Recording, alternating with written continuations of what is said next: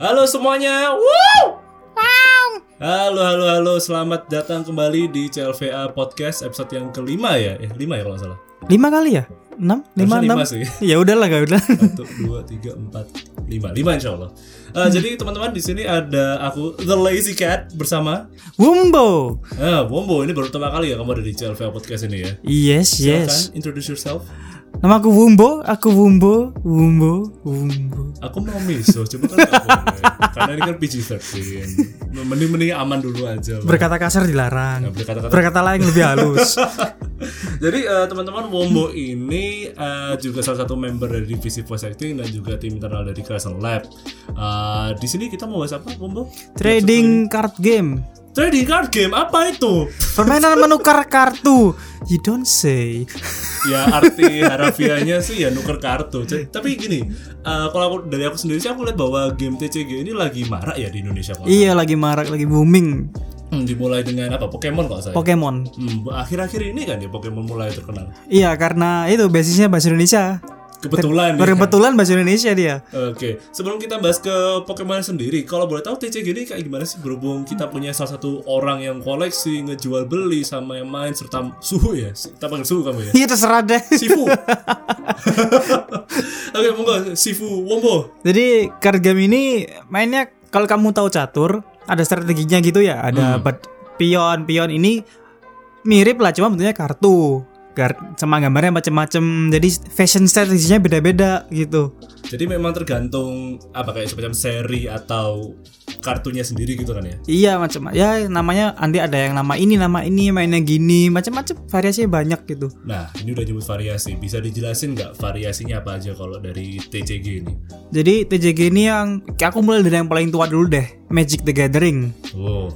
Lalu dilanjut yang di Indo ya, Card Fight Vanguard, Body Fight, Final Fantasy, Pokemon, Keyforge itu uh, beda-beda playstyle-nya. Hmm, Tapi intinya sama dalam artian kayak main pure dengan kartu, strategi, eh, summoning monster dan se- sejenisnya gitu kan. Hmm, sama-sama 11 12 lah.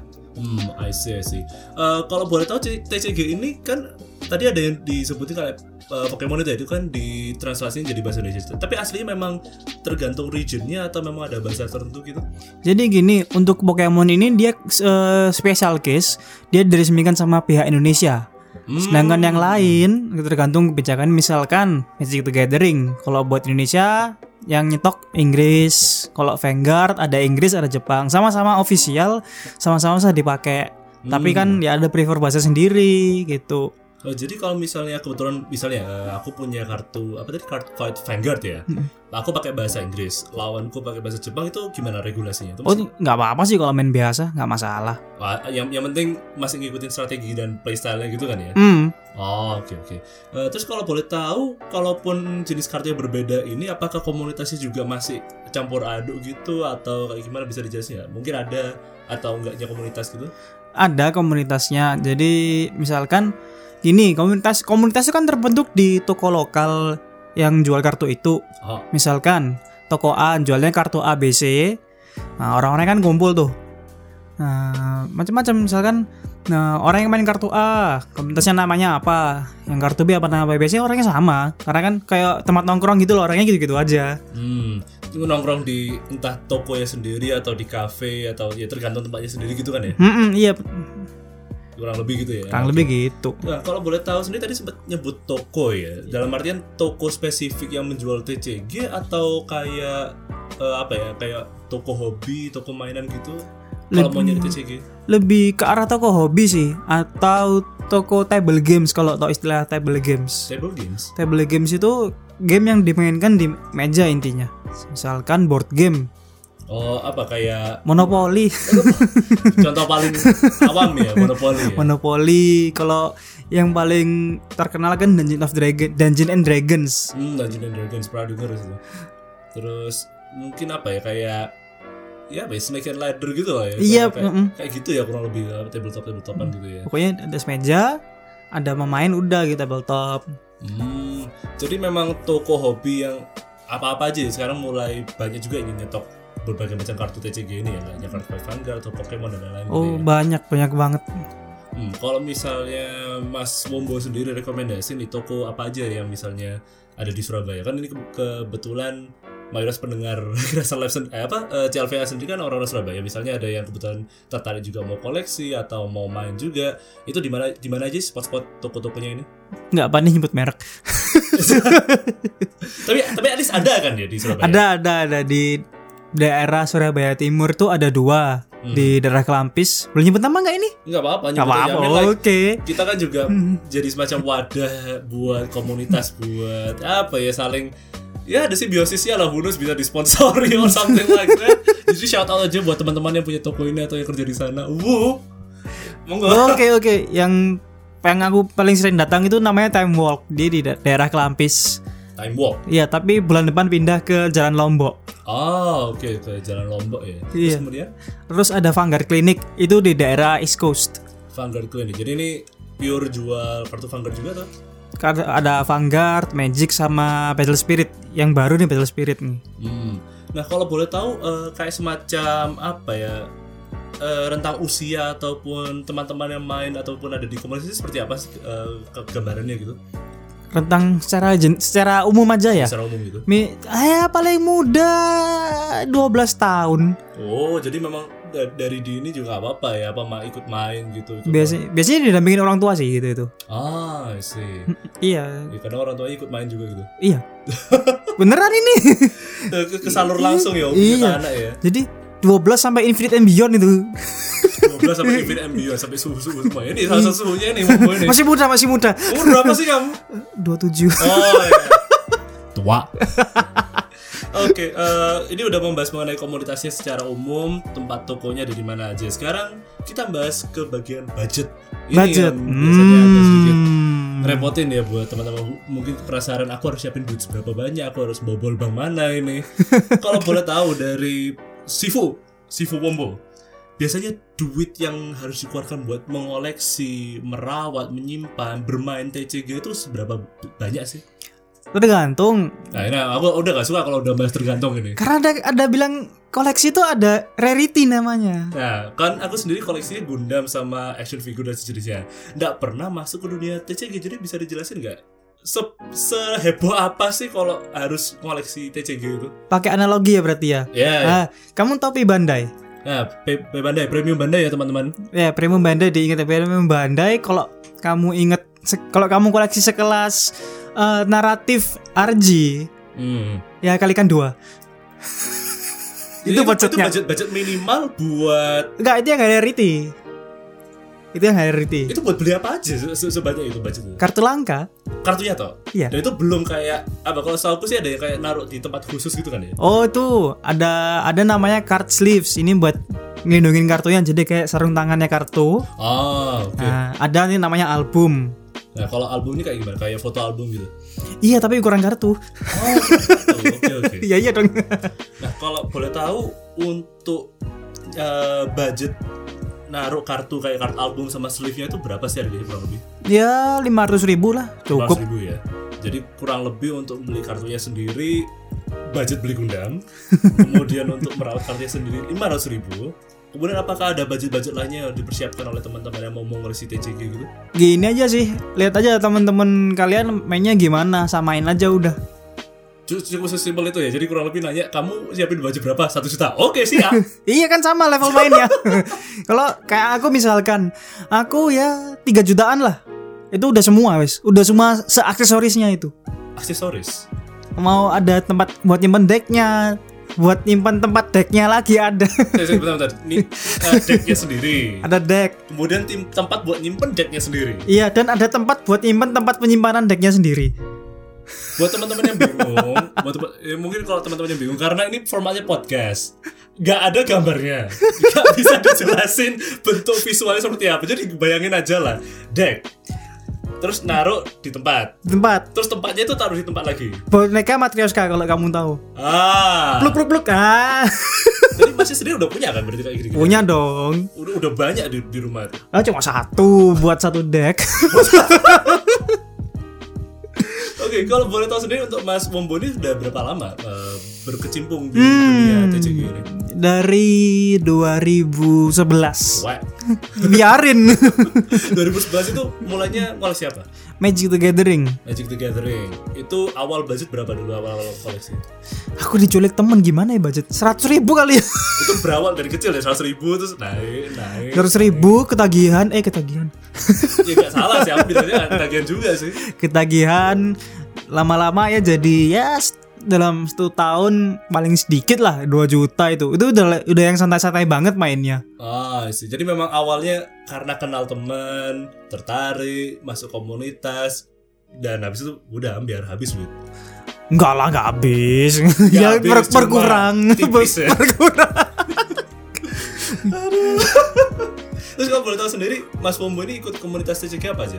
Eh, ada Vanguard Pokemon S- Magic the Gathering Oh, Cuma tiga itu aja ya. cuma tiga Nah, kalau misalnya ada teman-teman yang mau ikut komunitas ini, caranya gimana? oh gampang di Facebook ada Oh, ada fanpage-nya sendiri. Iya, jadi misalkan kamu daerah mana gitu, ketika aja misalkan Pokemon di daerah mana gitu, Pokemon Jakarta, Pokemon Surabaya ada sendiri ntar komunitasnya, atau yang langsung grup besarnya, jadi nasional ada. Hmm, masih. Jadi misalnya nyari Pokemon Kenjeran itu paling ada ya. Wah, kalau itu skala beda berskala kamu skala skala Pokemon. lokal. Pokemon Madura ada, ada teman-teman yang koleksi di sana. I don't know. Shout out to my Maduranese fans, I mean friends. Ya, boleh, mungkin loh, mungkin karena ada Pokemon Kenjeran, Pokemon Babatan, Pokemon Ngagel, gitu lah. Kalau Mas Mumbai sendiri, oh, Pokemon mana ini? Oh, aku lebih ke Vanguard, tapi nggak apa. Pokemon Surabaya, Mas Surabaya mana? oh global udah. Lampis, ta- daerah Surabaya Timur. timur. Surabaya rungkut berarti. ya? Hmm, hmm, hmm, hmm. Oke, kalau boleh tahu sendiri, eh, ke- setauku sih TCG pasti juga ada lombanya ya. Iya, Lombanya ini kayak gimana modelnya? Kayak semacam apa deathmatch atau apa? Wah, gak tahu sama sekali. Ini bener-bener lazy cat stupid time ini ya. Oke, tak jelasin dulu eh, tingkat-tingkatnya ya. Ada yang kecil, misalkan tingkat kandang, al tingkat kandang. Kandang. Toko, toko, toko lokal, Oh, j- jago kandang gitu tuh. ya. Hmm. toko lokal. Habis toko lokal nanti ada regional, regional ada nasional, nanti ada internasional. Oh, Oke, biasanya kalau yang Nyun Sewu ya, apa ya kandang ya itu biasanya memang event tersendiri gitu kan modelnya. Ya golongan-golongan sendiri gitu. Oke, terus kemudian kalau udah sampai regional tuh biasanya kayak level ada apa ya kayak IO-nya sendiri gitu kan. Ada, ada, ada sendiri. Oke, kalau sampai yang internasional tuh baru sama pihak sendiri misalnya kayak Pokemon company-nya gitu yang ada gitu. Iya, bisa dikirim ke luar negeri kamu. Oh. Direportasi dari Indonesia. representatif. Representatif. Nah, bahasa halusnya. Nah, kalau lomba ini ser- sendiri ini apa? Ya, memang ada tim-timan juga atau co-op atau memang solo wis main ya ala-ala kayak Yu-Gi-Oh gitu. Macem-macem udah, udah. Bentuknya aneh-aneh. yang paling liar sendiri kalau menurut Mas Mumbu apa? Vanguard. Itu sampai kayak gimana lombanya tuh kalau sampai liar? Ah, minimal 200 orang tuh. Itu 200 orang langsung diadu bareng gitu. Iya di biasanya di Jakarta gitu. Jadi 200 orang langsung mabar gitu main-main bareng kayak battle Seingat royale. ya seingatku 200 orang sih. Mainnya by one match by one tapi ya ya satu lantai mall tuh penuh. Oh, oh, I see. Jadi langsung dihabisin langsung Boom gitu. battle royale gitu kan modelnya. Ya kinda nanti ad- ad- pakai Swiss tahu istilah Swiss round. Switch round. Swiss. Swiss. Jadi kamu menang dapat berapa poin, kalah berapa poin, draw berapa poin. Nanti yang Oh, Kuat ketemu kuat oke. gitu. Akumulasi poin gitu habis itu langsung diadu siapa yang mau menang poinnya terus maju ke branch apa eh, semifinal dan seterusnya Yes. gitu kan ya. Oh, oke. Itu di Jakarta ya. Jakarta. Kalau Surabaya sendiri belum ada ya sampai selir kayak gitu. Eh, kita Surabaya cuma sekedar kayak tiket buy. Tiket buy itu kamu datang ke Jakarta nanti bisa menang tanpa tanding. Berapa kali gitu misalkan. Menang tanpa tanding. Anggapannya kan kayak kamu udah menang di sini ya ini ada buat kamu, kamu dapat kayak kesempatan eh, menang sekali lah gitu. Kita kasih poin satu gitu nggak apa-apa. Oh, jadi secara umum garis besarnya ada yang sejenis kayak gitu ya apa untuk tandingannya ya. Oke, kalau gitu kalau boleh tahu untuk komunitas sendiri aktivitas yang diadain oleh komunitas TC itu apa selain mungkin ada gibah bareng atau apa gitu? Oh iya dong. Ya, pasti dong. oh iya dong. semua komunitas pasti ada ya. Kayak, Iya. kayak gimana sih aktivitas yang diadain sama komunitas gitu kalau Ya. TCG? Ya ya ya karena kita TCG kan ya pasti sama kartu ya kita bahas-bahas strategi, tuker-tukeran, jual beli kadang ya kalau kita nganggur gitu makan bareng, Hmm. nonton jalan-jalan, nongki-nongki. Wajarnya komunitas ya. Iya, Gibah. gibah jelas. Eh. Ups. Oke, ada satu hal yang aku agak tertarik dengan dunia TCG. Itu ya panas jual beli. Jual beli ini apa kayak kartu singlenya gitu satuan dijual atau pack-packannya atau gimana Eh, kayak- kayak apa sih Jadi kalau misalkan toko ya, toko tuh jualnya bisa pack-packan, bisa singles. hmm. Kalau para pemain biasanya jual singles sih. Hmm. Beda cerita kalau ada orang buka pre-order atau apa gitu. Hmm. Jadi benar-benar bebas lah jual belinya gitu. Hmm.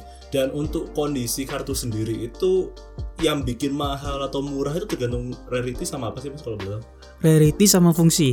Fungsi. fungsi. Jadi ada kartu yang benar-benar bagus, ada kartu yang bahasa sopannya sedikit kurang lebih kurang lebih di bawah bagusnya gitu. Yang Jadi sampah. Mas. Susah banget sih bilang sampah. Nggak tega. Tapi ya dasar, dasarnya memang fungsinya eh, sering bisa dipakai di gamenya gitu ya. Dalam artian kalau kartu itu berguna banget bisa langsung one hit kill or something like that itu lebih tinggi kan value-nya. ya gitulah kurang lebih kayak gitu. Jadi semakin berguna semakin mahal. Hmm. Terus kemudian apakah kondisi kartu sendiri itu berpengaruh nggak? Kalau kondisi kartu ber- sangat-sangat berpengaruh. Hmm, makanya kan sampai dimasukin ke slip gitu ya. Iya, karena ada kartu yang misalkan dalam satu kota ada cuma ada dua orang kok cuma dua orang yang punya ya pasti mahal sekali. Kalau bahasa awamnya kan gitu. Oh, oke oke. Tergantung mau dijual atau enggak kan ujung-ujungnya. Iya. Terus habis itu apa sebetulnya kalau diproduksi lagi? Oh, reprint. Di print ya. Kan kemarin sempat ada kasus yang apa? Tapu lele. Oh, tapu lele. Itu tuh gimana guyonannya itu kalau boleh tahu? Jadi gini, tapu lele itu eh, aku kenalin dulu istilah staple. Step, staple. Staple itu adalah Itu kan yang buat jepret itu kan. bukan gebleknya. Oh, step-step. Oke, oke, oke. aku ditampar ini. Jadi Karena gak, gak ada violence kalau di CLVR Kasus sudah rekaman selesai baru violence ensues gitu Oh my god. help! Iya, kayak gitu kurang lebih kita eh, apa SOP ya di sini lah. Jadi gini, staples itu istilah buat kartu-kartu yang bisa dipakai di semua deck. Gampangnya gitu. Ini deck ini pakai, deck ini pakai, deck ini pakai. Nah, tapu lele ini sangat terpakai di semua deck Pokemon. Hmm. pertama keluar di set pertama lalu ada di trial decknya tapi keluarnya pun sangat susah itu kalau nggak salah hampir 300 ribu apa ber- 250 ribu itu yang rarity yang kecil lalu di saat het- hantaman kedua cetak ulang harganya karena eh, cetak ulang kan berarti lebih banyak orang yang punya Iya. Benar tidak? Berarti kan lebih akses ya seperti rumus dasar apa marketing Hmm. demand supply demand supply Hmm, kebetulan eh, di reprint ulang orang-orang bakal lebih banyak yang dapat. Nah, tiwas aku punya rarity udah tak jual harga mahal. Nah, semua orang udah punya. Dijual harga murah. Ikutin market lagi gitu kan kalau lebih ya. ya memang itu sih resikonya Hmm. tapi kan dibalik resiko itu prestasi yang kamu pakai di turnamen kan dapat Hmm, Iya makasih, dong. makasih. Eh, kemudian aku lak- eh, agak sedikit step back ke topik sebelumnya ya, eh, Mm-mm. membahas mengenai kartu rarity ya. Kalau Mas Bombo sendiri dari seluruh TCG yang Mas Bombo punya itu, yang paling mahal, paling langka, paling disayang-sayang itu apa kart- kartunya? dari Vanguard Dra- maksudnya? Dragon Deck Overlord Dragonic Overlord itu bisa dijelasin nggak fungsinya apa, harganya berapa gitu? hmm harga dulu aja deh yang paling inget Eh, harga dulu aja, oke. oke. Eh, dulu pertama keluar beli berapa ya 300 ribu Itu ya masih single ya? single itu hitungannya murah sih cuma saking sayangnya aja gitu Hmm. Jadi kayak deckku kan Kagero. Eh, dia itu kayak main bossnya gitu. Hmm. Dan dia ketika udah dia udah muncul tuh game changingnya kerasa banget. Oh. Terus kalau sekarang jadinya berapa itu? Ya 200 ribu. Udah agak lama kan juga soalnya. Oh, oke oke I see. Terus kalau boleh tahu sendiri buat Mas Bumbo, pernah nggak sih beli kayak apa sebenarnya booster pack? Apa? Booster pack Nah, iya Itu pas eh, buka tahu-tahu lu ada dapat yang rarity gitu, pernah nggak? pernah. Apa itu Mas? Magic the Gathering, Benslayer Angel waktu dia pertama rilis di set apa ya agak lupa. Eh, 300 ribuan kalau nggak salah pertama keluar tuh itu iseng beli satu ah. Lu 300 ribu. Tiga ribu, bayangin teman-teman kan Langsung bisa ada beli yang apa tiga ribu itu? Hmm, Greenlee berapa hari ya? Eh, seratus ribu udah lumayan bensin pertalite buat mobil, udah lumayan berapa liter itu. Sisanya dua ribu beli apa itu? Lumayan dah. Iya. bayar ut- bayar bayar kos kosan setengah apa setengah bulan ya, isi listrik, beli pulsa, kuota, Steam Wallet, ntar lagi juga Steam apa Winter Sale juga kan. aduh gundam ya Ah, Gundam juga. aduh Siap saudara, siap. Jadi kalau boleh tahu sendiri menurut Mas, Mas Bombo, apakah TCG ini bisa dijadiin kayak semacam apa ya sebetulnya investasi gitu loh misalnya ada teman-teman yang mau iseng jual beli koleksi kemudian dijual beli lagi hmm investasi jangka panjang kalau mau sih Magic the Gathering hmm kalau yang lain itu lebih ke arah kamu hobi kamu main sama teman-teman investasinya naik turun kalau yang lain sih Magic the Gathering paling gampang gitu Ah, kenapa kok Magic the Gathering yang disaranin Karena dari pengalaman sendiri ya aku dari 2011 lihat card game itu Magic the Gathering misalkan rilis 2011. Nah, nanti di tahun 2015 bisa melejit harganya.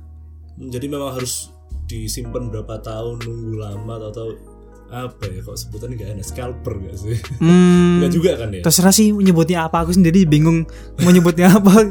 Soalnya gini, kita tahu enggaknya kita harus benar-benar tahu potensi kartu ini bagaimana Hmm, ke depan. jadi bener semacam nerka juga ya ujung-ujungnya Hmm. I see. Kemo- eh, sekarang topik selanjutnya adalah aku pengen bahas eh, untuk Mas Bombo sendiri lomba-lomba TCG pernah ikut ya Pernah, pernah. berapa kali? Eh, really ya 2011 loh aku. Oke dari dua source banyak berarti ya, teman-teman, banyak dari dari semuanya dari Magic, eh, Perfect Vanguard, Pokemon gitu pernah, pernah ikut semua. hampir semuanya pernah ikut ya. Iya. di antara lomba-lomba itu yang paling berkesan paling banyak peng- apa eh, kenangan indahnya itu apa menurut Mas Umbo? Vanguard sih. Pas tahun? 2000 berapa ya 2015-an dua- eh 2012 2015 sama baru-baru ini juga masih berkesan Oh itu, itu di mana dulu itu? di Time Walk di toko lokal Oh yang tadi disebutin. itu. iya situ sama di ada kemarin di JTM Expo cuma aku nggak ikut main aku ngejudge jadi judge-nya Wah ini udah dapat seleb nih kita dapat jas loh ini. Bukan sembarangan orang loh. Makanya aku panggil Sifu kenapa ya ini udah udah udah bisa main ikut lomba jadi juri lagi pula. judge lokal Yo loko si loko oh itu oh Iya, itu oh, itu, oh, si paling loko. paling malu 300 ribu kartu Oh, ini Iya. udah udah lokal. Tunggu aja eh, 2020 atau juri internasional insya Allah ya Bunda. Amin. Saya tahu-tahu, kan. Official judge Wombo. Kok kayaknya enak. Wombo. Kalau boleh tahu ya tadi sempat nyebut ada event di Jatim Expo itu apa itu? eh qualifier buat regional sama buat apa lagi ya, agak lupa aku terlalu sibuk ngejudge Ini kalau bahasa Arabnya itu ya sombing ya. bukan sombing lupa Lo lupa ya. Ya, Di Arab dimaklumi ya. Tapi eh, baru-baru aja 2019 ini. iya bulan dua bulan yang lalu kalau nggak salah dua bulan yang lalu Dua bulan yang lalu Jatim Expo itu kayak game convention enggak? iya game convention yang ada dotanya itu loh. Oh iya, yang ada iya, dotanya e-sports ya. iya ada e-sports Tapi apa apa masuk gitu apa untuk TCG dengan esports kan kayak semacam ranah yang berbeda gitu. hmm kalau boleh sombong nih eh Nah mulai ini bahasa Arabnya keluar ini sombing ini. kita kan ada kom eh, organisasi namanya sorti Ah. tabletop Indonesia itu kita eh, yang di toko lokal yang bisa aku datang card gamenya banyak yang masuk situ jadi benar-benar disupport lah ke, ke depannya bisa itu jadi benar-benar olahraga itu Oke. udah Jadi level olahraga sorti ini apa? Kayak semacam organisasi untuk tabletop dan TCG gini atau gimana mas? hmm bener kayak gitu Something like that ya. iya Apakah masnya sendiri juga anggota dari sorti atau oh enggak saya cuma apa cuma silent reader oh, peng- pengamat ya? pengamat aja Pengamat, oh. lagi-lagi sibuk soalnya Nah, untuk sorti ini apa udah lebih diakui sebagai organisasi yang official atau baru kayak komunitas dulu atau gimana nih? official Udah official. Apakah udah em, eh, apa ya? Kasarannya udah eh, berkecimpung dengan pemerintahan juga or something like that gitu? atau atau gimana? kayaknya aku perlu baca-baca lagi deh kalau Oh, iya, nggak apa-apa. nggak apa-apa sih Hanya pengamat ya.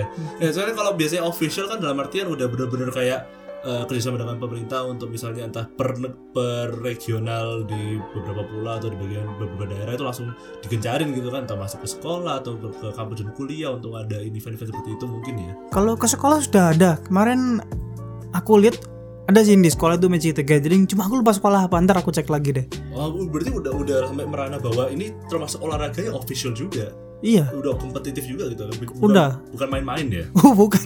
soalnya kan takutnya gini eh, takutnya kalau takutnya misalnya so- sorry ini ada eh, ada gangguan sedikit ya bukan gang- gangguan apa-apa nggak apa-apa kok santai jadi lanjut aja podcast lanjut Eh, apa ya Eh, dibilang kompetitif soalnya aku takutnya gini kan orang tua kalau ngelihat anaknya main kartu tok di sekolah kan biasanya ada yang oke boomer gitu lah apa yang anggapannya kok anakku gak belajar malah mainan kartu gitu loh takutnya gitu kan Hmm. nah itu jadi berber udah dianggap "I- iki genah ngono loh Hmm. gitu ya gitu ya mas ya Iya ya namanya stigma ya dan pola pikir ya memang susah dulu malah aku waktu main di Galaxy Mall kan kebetulan dulu time work di Galaxy Mall sebelum pindah itu dikira main judi sedih dong padahal nggak ada duit yang dipertaruhkan nggak ada taruhan apa-apa dibilang judi itu dibilang juri gimana ceritanya sampai didatengin satpam gitu atau ada orang tua random gitu Ya. ini judi ya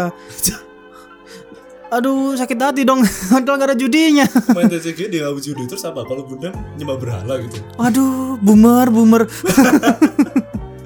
aduh, aduh. jadi apa ya eh, TCG sendiri ini kalau menurut Mas Bombo udah mulai ada semacam peningkatan dalam artian eh, orang-orang yang main yang menyukai kemudian untuk dunia sendiri udah mulai berkembang gitu ya jauh jauh banget dari pertama aku main pandangan masyarakat terutama udah beda Dan kalau sebelumnya gimana pandangan masyarakat mengenai TCG sendiri judi ya saya forward judi ya judi dengan gambar-gambar kartu yang lucu unik gitu ya iya ya udah mulai berubah lah ya salah satunya juga karena Pokemon ini sih karena dia keluar di Indonesia bahasa Indonesia terus ada di minimarket udah itu berubah banget ah di minimarket boleh sebut merek nggak ada di mana aja itu Indomaret Indomaret ya Indomaret di belakang kasir biasanya Di belakang kasir.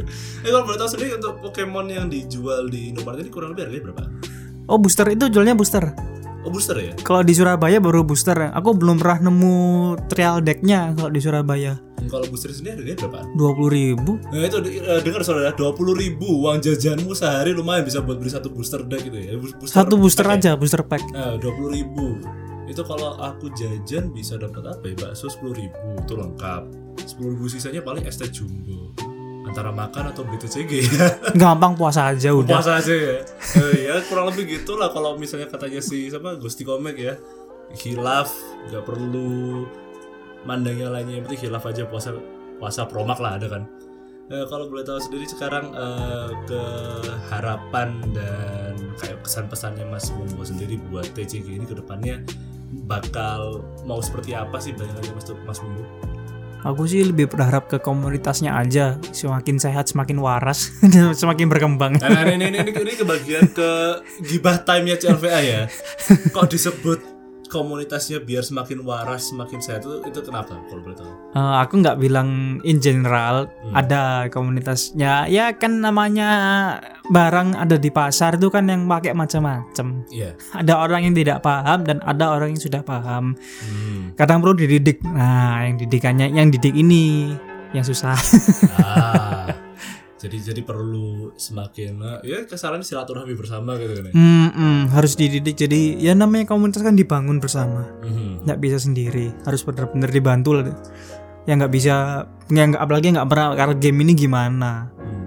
Jadi ya harap maklum ya komunitas kan nggak semuanya positif uh, 24/7 kan pasti ada yang sedikit itulah tanda Iya. quote unquote ya tanda kutip gitu ya.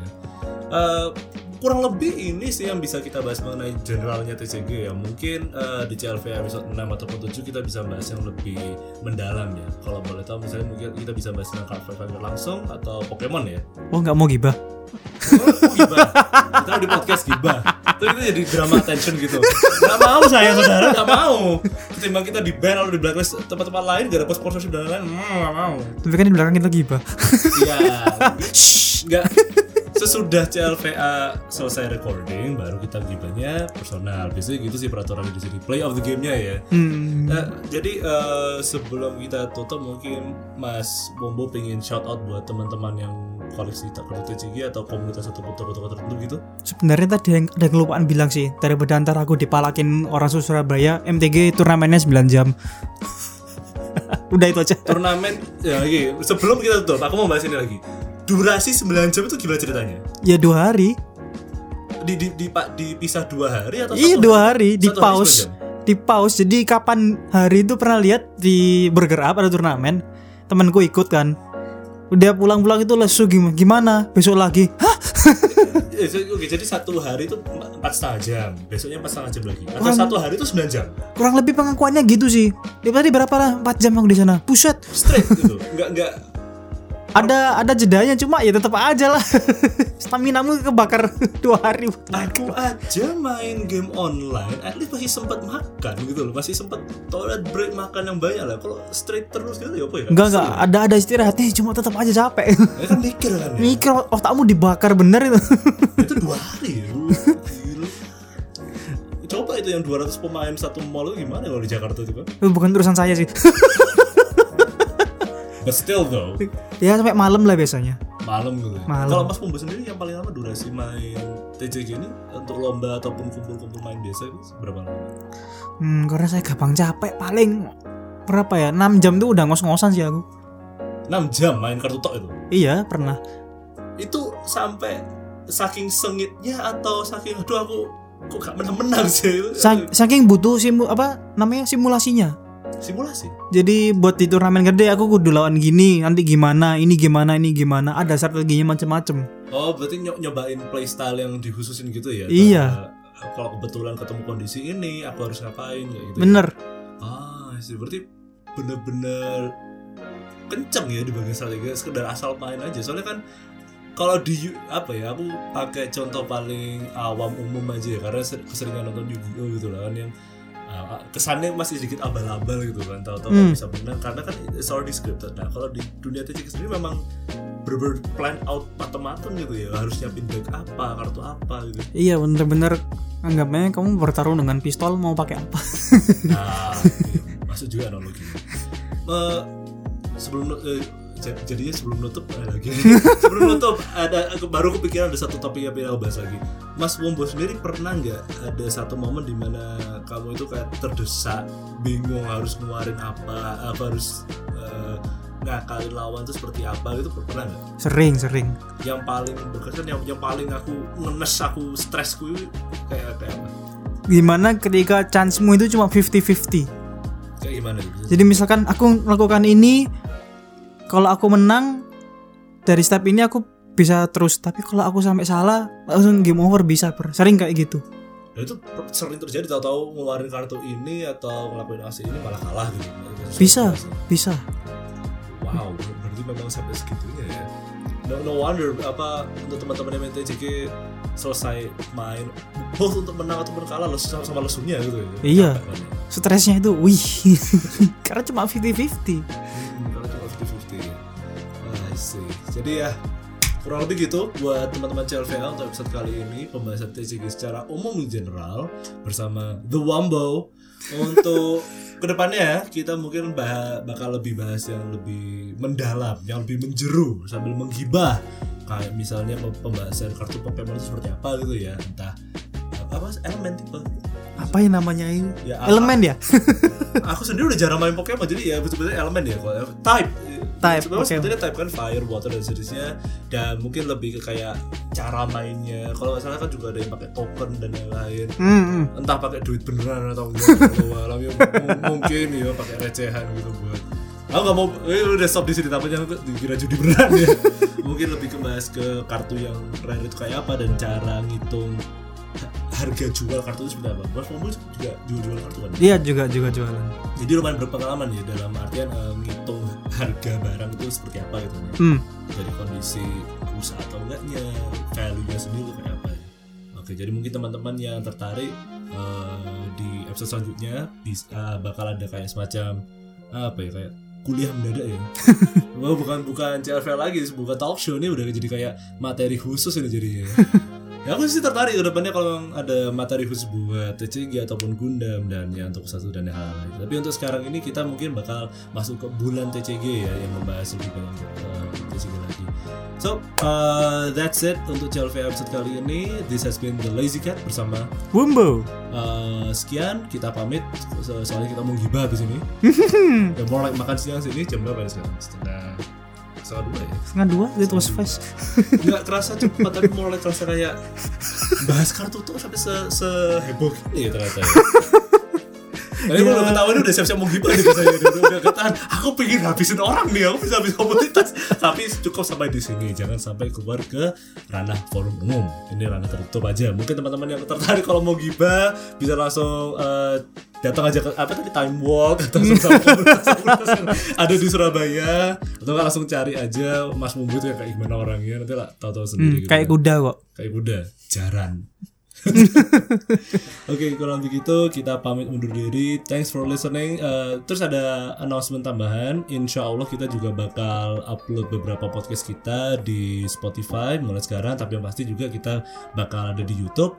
Untuk yang di SoundCloud kita bakal ubah menjadi eh, sarana untuk sample voice suara DCLV. Jadi buat teman-teman yang mungkin tertarik untuk eh, entah mau commission atau mau well se- ya ter- terserah lah mau ngapain kita juga ada par- pakai price list eh, price list kita sendiri bisa kalian cek di eh, website ataupun di info yang bisa kita masukin di description box nanti ini so kurang lebih itu untuk CLV episode kali ini thanks for listening and bye bye Ma. Bye. Ya.